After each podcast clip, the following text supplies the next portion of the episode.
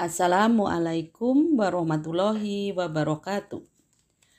Hari ini kita berjumpa lagi dengan Ibu Dwi Suyanti dalam pelajaran Bahasa Indonesia. Gimana kabar kalian anak-anak setelah liburan akhir tahun?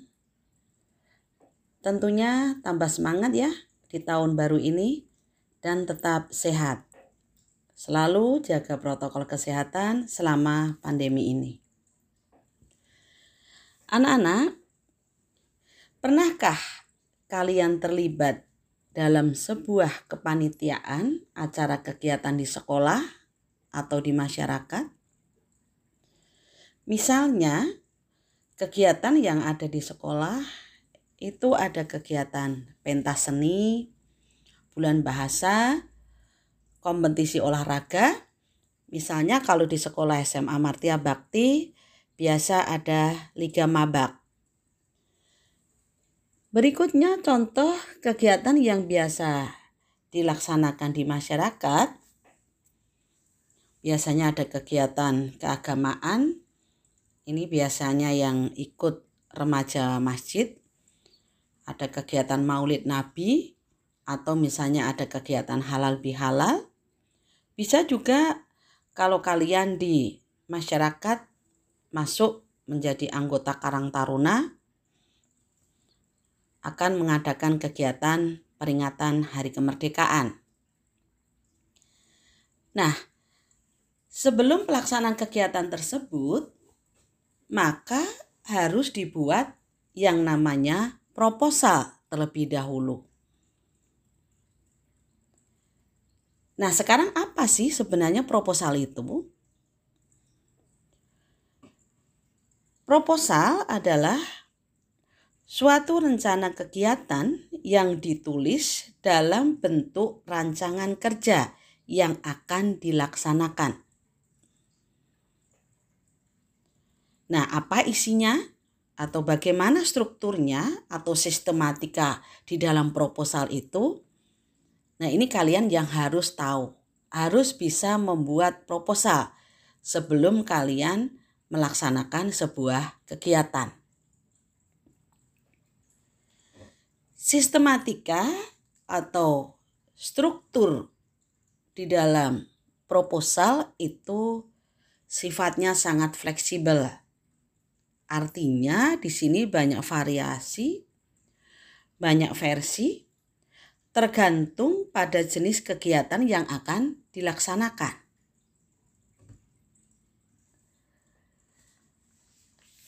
Perhatikan tentang struktur atau sistematika di dalam proposal berikut ini.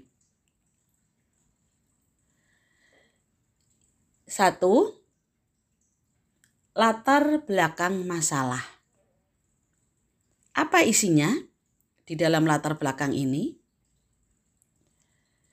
Isi dari latar belakang yaitu berupa fenomena atau kejadian yang terjadi di masyarakat atau terjadi di lapangan yang kita setiap harinya melihat. Atau bisa dikatakan isinya berupa jawaban dari pertanyaan mengapa kegiatan itu harus dilaksanakan? Padahal yang namanya ada kegiatan pasti akan membutuhkan dana. Nah, pada bagian ini, bagian latar belakang ini, sering kali dikacaukan atau disamakan dengan tujuan kegiatan. Padahal jelas berbeda isinya. Ibu kasih contoh di sini kalau misalnya kalian akan mengadakan kegiatan bulan bahasa.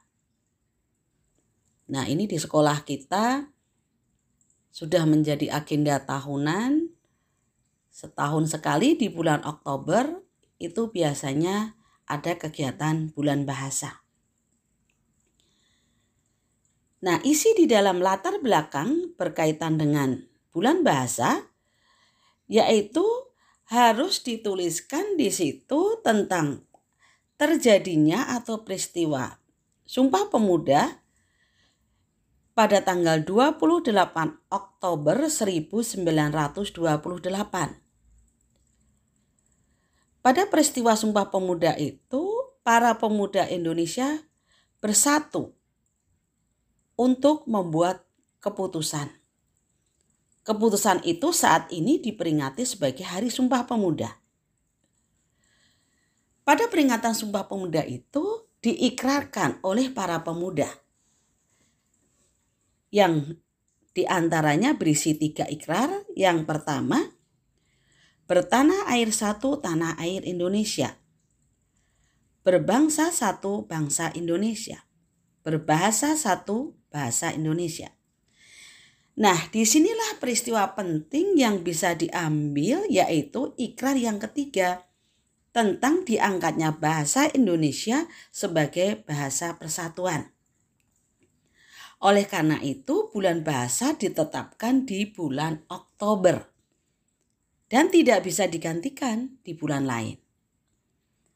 Itu contoh isi di dalam latar belakang. Yang kedua, tujuan. Apa sih sebenarnya tujuan yang ingin dicapai dalam kegiatan tersebut? Maka harus dituliskan secara rinci dan jelas. Contoh, kalau tadi tentang bulan bahasa, tujuannya misalnya satu, untuk meningkatkan kecintaan terhadap bahasa Indonesia. Dua, untuk meningkatkan kemampuan atau penguasaan bahasa. Dan seterusnya. Itu untuk tujuan, yaitu sasaran yang ingin dicapai dalam kegiatan tersebut. Yang ketiga setelah tujuan yang berikutnya yaitu tema. Di dalam setiap kegiatan pasti ada tema yang ditampilkan. Kita ambil contoh kalau kegiatan bulan bahasa tadi, bisa saja kita mengambil tema bahasa mencerminkan kepribadian bangsa. Atau dengan bulan bahasa Gunakan bahasa Indonesia dengan baik dan benar. Struktur yang keempat, jenis-jenis kegiatan. Nah, di dalam kegiatan bulan bahasa itu tadi ada berapa macam kegiatan yang dilakukan. Misalnya di sini mengadakan berbagai macam perlombaan. Tulis secara rinci lomba-lomba yang diadakan dalam kegiatan tersebut. Misalnya, ada lomba baca puisi, ada lomba drama, kemudian ada lomba pidato, dan seterusnya. Yang kelima, yaitu peserta kegiatan atau sasaran. Kegiatan ini untuk siapa? Maka dituliskan di sini, misalnya kegiatan bulan bahasa ini harus diikuti oleh semua siswa dari kelas 10 sampai kelas 12. Itu peserta kegiatan. Berikutnya, struktur yang keenam, waktu dan tempat pelaksanaan kegiatan. Ini juga harus ditulis secara rinci kalau tadi ada lomba baca puisi, maka harus ditulis lengkap lomba baca puisinya akan dilaksanakan kapan ya ini berkaitan dengan hari, tanggal, waktu dan tempat di mana. Kemudian lomba drama, hari, waktu, kapan dan tempatnya di mana dan seterusnya sesuai dengan jenis lombanya ada berapa. Yang ketujuh, di dalam sebuah kegiatan pasti ada kepanitiaan. Maka di nomor tujuh ini ditulis susunan kepanitiaan. Yang di dalamnya ada ketua, wakil ketua, sekretaris, bendahara, maupun seksi-seksi yang dibutuhkan dalam sebuah kegiatan biasanya di dalam sebuah kegiatan itu ada seksi dokumentasi, ada seksi acara, ada seksi konsumsi, perlengkapan, dan sebagainya. Nah, ini disesuaikan dengan kebutuhan. Yang kedelapan yaitu susunan acara. Susunan acara ini harus dilampirkan di dalam proposal. Contoh, susunan acara dimulai dari pembukaan.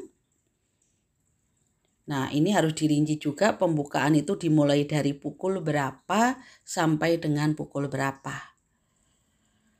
Yang kedua, misalnya ada acara sambutan dari ketua panitia, kemudian sambutan dari Bapak Kepala Sekolah, berikutnya pelaksanaan lomba, kemudian penutup.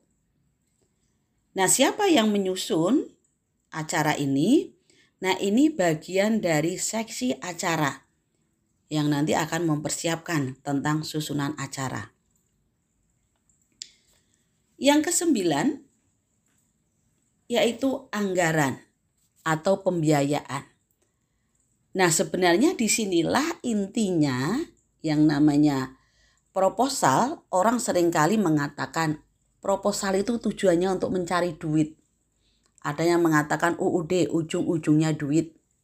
Nih. Nah, di sinilah harus ditulis secara detail, secara rinci anggaran atau pengeluaran kebutuhan dalam kegiatan itu berapa. Tulis semuanya. Kita ambil contoh misalnya tadi mau mengadakan kegiatan bulan bahasa, misalnya harus ada panggung untuk baca puisi. Nah, ditulis biaya panggung berapa, kemudian hadiah yang namanya setiap lomba kan pasti ada hadiah. Nah hadiah ini juga harus dirinci juara satu, dua, tiga misalnya yang diambil. Juara satu itu dikasih hadiah berapa, entah barang, entah uang. Di total semuanya, ini untuk hadiah. Berikutnya misalnya konsumsi juga ditulis konsumsi butuh dana berapa. Kemudian ada juri, dalam setiap lomba ada juri. Untuk honor juri misalnya butuh biaya berapa. Dan perlengkapan.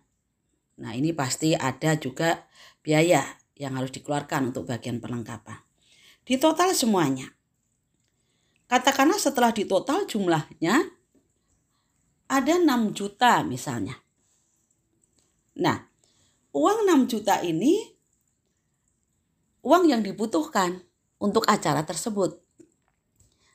Nah, berikutnya dipikirkan juga pemasukan. Uang 6 juta itu dari mana didapatkan? Apakah harus minta ke sekolah dananya atau dibebankan kepada siswa atau bisa juga mencari donatur. Bisa juga ketiga-tiganya untuk sumber dana atau pemasukan. Misalnya dari sekolah memberikan berapa juta, kemudian ditambah lagi dari siswa ditarik per anak berapa ribu rupiah. Nah berikutnya bisa juga mencari donatur atau sumbangan. Ini yang berkaitan dengan masalah anggaran atau pembiayaan. Nah, kemudian terakhir yaitu bagian penutup. Bagian penutup ini berisi permohonan partisipasi atau dukungan dari berbagai pihak, baik itu moral maupun material, demi terselenggaranya acara tersebut. Nah, ini yang fokus memang tujuannya uang tentunya.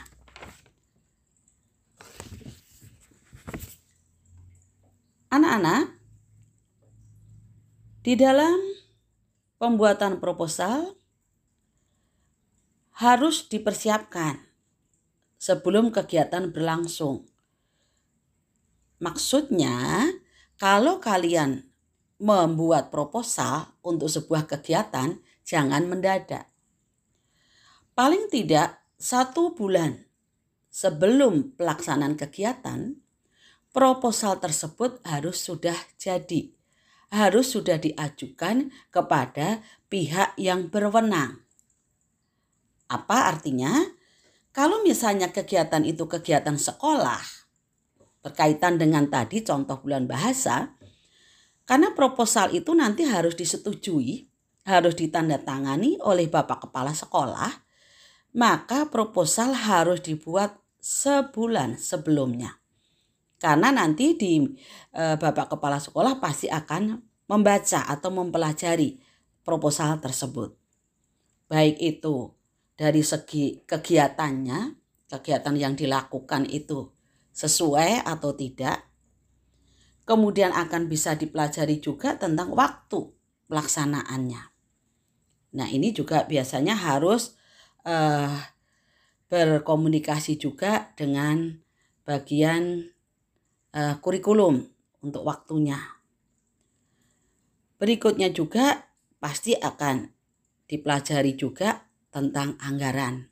Uangnya ada atau tidak. Ini. Maka tidak bisa uh, membuat proposal itu mendadak. Hari ini buat proposal, kemudian besok uangnya dikasih. Itu tidak mungkin.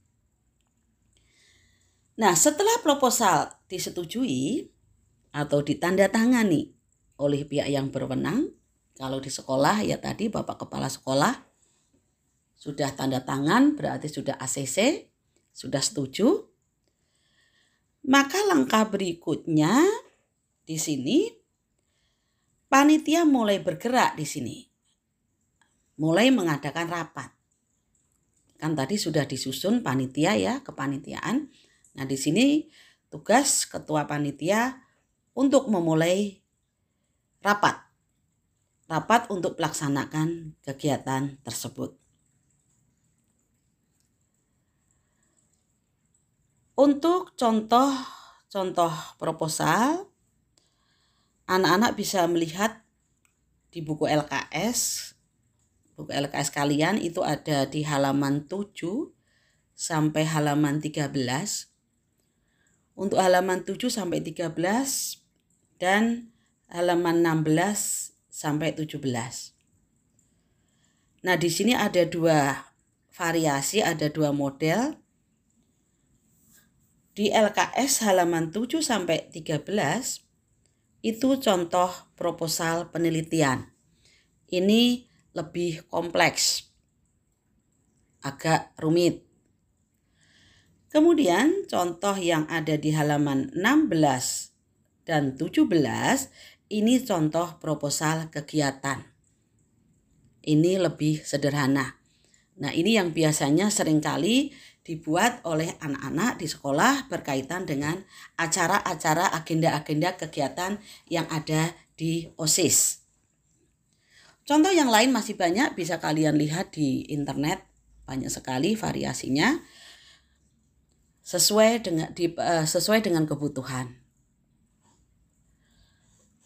Demikian anak-anak penjelasan tentang struktur atau sistematika proposal pada hari ini. Semoga pembelajaran hari ini bermanfaat dan kalian bisa menangkap dengan jelas apa yang sudah Ibu sampaikan tadi. Nah, untuk berikutnya, karena tadi sudah Ibu jelaskan tentang struktur dari latar belakang sampai dengan bagian penutup. Ada tugas yang harus kamu buat ini untuk nilai keaktifan. Ibu pengen tahu dari awal tadi kalian mendengarkan atau tidak penjelasan dari ibu tadi. Tugasnya buat latar belakang latar belakang proposal dengan kegiatan bulan bahasa. Kamu buat dua paragraf saja yang isinya bagian latar belakang. Kemudian tugas dikirim ke WA grup Mapel. Dan tugas ini harus secepatnya dikirim sampai dengan waktu karena waktu kita sampai 9.30 nah ini sampai 9.30 ini ditunggu tugasnya di WA grup Mapel bagi yang mengumpulkan akan ada poin untuk nilai keaktifan kalau pengumpulannya lewat dari pukul tersebut, maka tidak diterima atau tidak ada nilainya. Itu tugas berkaitan dengan materi yang pertama.